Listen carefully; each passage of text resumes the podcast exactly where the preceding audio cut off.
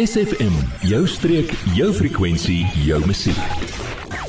Nou dat almal besig is om hulle e-filing vir die 2022 finansiële jaar in te dien en belasting vars in almal se gedagtes is, kan ons dalk gou hieroor gesels. Sommige mense, hulle kry geld terug by Jan Tax en ander word weer gevra om so 'n bietjie ekstra belasting in te betaal. Nou ons het dit goed gedink om 'n bietjie te gesels oor die belastingvoordele wat dit vir die belastingbetaler inhou aangaande skenkings en donasies aan openbare weldaadorganisasies.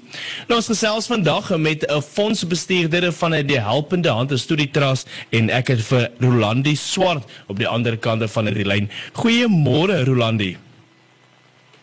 Goeiemôre Markus, baie lekker om met julle te gesels en dankie vir die oproep, ek waardeer dit. Nou ons gaan nou vandag sê ons gaan nou gesels oor die Helpende Hand Studie Trust. Wat doen julle? Kom ek sê vir jou maak, die Helpende Hand Studie Trust is 'n openbare weldaadsorganisasie en ons is deel van die solidariteit beweging.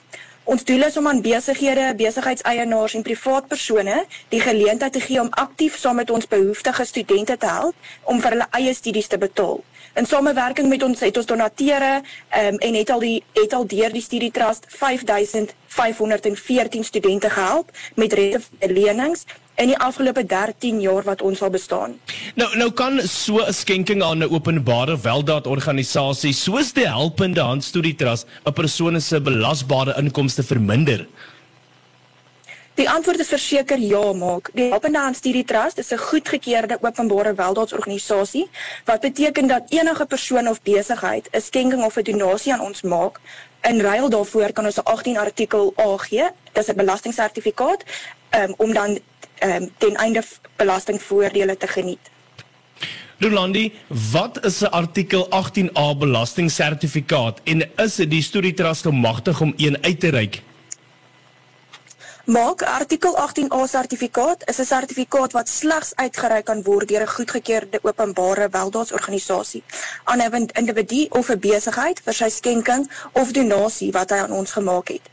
Ehm um, dit is dus onverwaarlike bydrae aan die organisasie. Die skenker of donateur is dan volgens die inkomstebelastingwet geregtig om belastingaftrekking te kry teen haar of sy naam.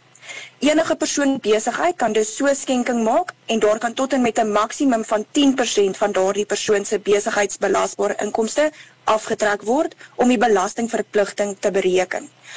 Om by die tweede gedeelte van jou vraag uit te kom. Ja, die Studie Trust Alpenland is is wel gemagtig om so 18A uit te reik in ruil vir skenkings of donasies wat aan ons gemaak is. Nou dit klink na 'n wen-wen situasie vir almal. Ons gaan hierdie dag verder gesels met Rolandi Swart en sy is die of sy se fondsbestuurder by Helpende Hand Studie Trust bly geskakel op SFM. Word deel van ons Facebookblad vandag nog facebook.com vorentoe skuinstreepie SFM streek. Bly gesels met Rolandi Swart en sy se fondsbestuurder by Helpende Hand Studie Trust. Rolandi, kan jy vir ons 'n praktiese voorbeeld gee van hoe dit werk? Kom ons sê byvoorbeeld die onderneming het 'n belasbare inkomste van 'n 100 000 rand. Op die 100 000 rand is die belasting dan 28% en jy moet 28 000 rand aan die SAID oorbetaal. Indien die maksimum van 10% aan die van u belasbare inkomste dan sou skenk aan byvoorbeeld die Helpende Hand Studie Trust, maak dit die organisasie se belasbare inkomste met 10% minder. Beteken dat die belasbare inkomste dan net 90 000 rand is.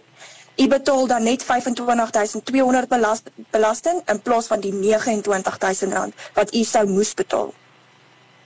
En eh, wat is die drie maniere hoe die luisteraars betrokke kan raak by die Helpende Hand Studie Trust?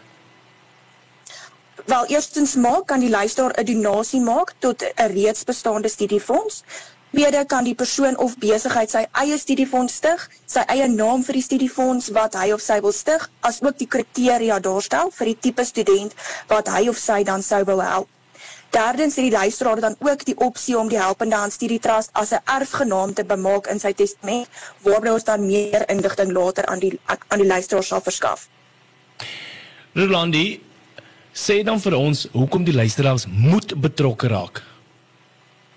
Dit maak dit is nou meer belangriker as ooit dat die publiek betrokke raak omdat elkeen van ons 'n ambassadeur van verandering is.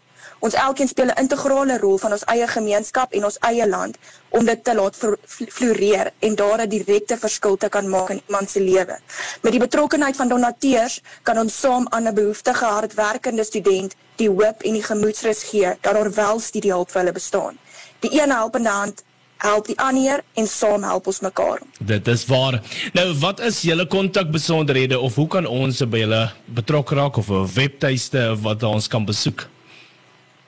So daar's so drie maniere. Jy kan ons webtuiste soek by www.helpendehand ehm um, voorwaartstreep studietrust of jy kan 'n e-pos stuur by studietrust@helpendehand.co.za of jy kan bel by 012 111 8360. Ek het weer 012 8360.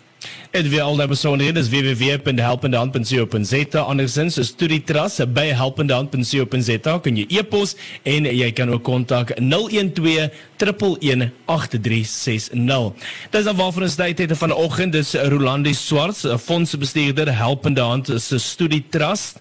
Baie baie dankie Rolandi en baie dankie vir die wonderlike werk wat jy doen en dat jy vanoggend die tyd gemaak het om met ons te gesels. Baie dankie vir die oproep, maak ons waardeer. Goed.